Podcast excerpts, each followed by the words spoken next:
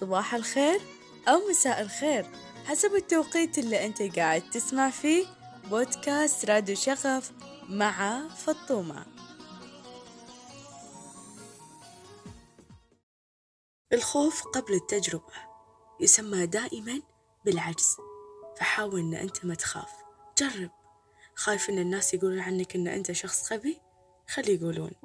لأن البدايات الناس دائما كانت بدت بهذه الطريقة والعناء دائما في الابتداء. فلا بد أن أنت تتقبل ضعف الأداء والتقييمات السيئة في البداية. فلولا هذه البدايات الصغيرة لما كبر الإنسان. ولذلك لكل منا يوم أول يوم أول في السواقة بتذكره وتضحك ولكن في ذيك اللحظة هي مسألة حياة أو موت. فيوم أول في التعليم. ويوم أول في الوظيفة ويوم أول في الخطوبة وكلها أيام كانت مليانة بالارتباك وهذا طبيعي.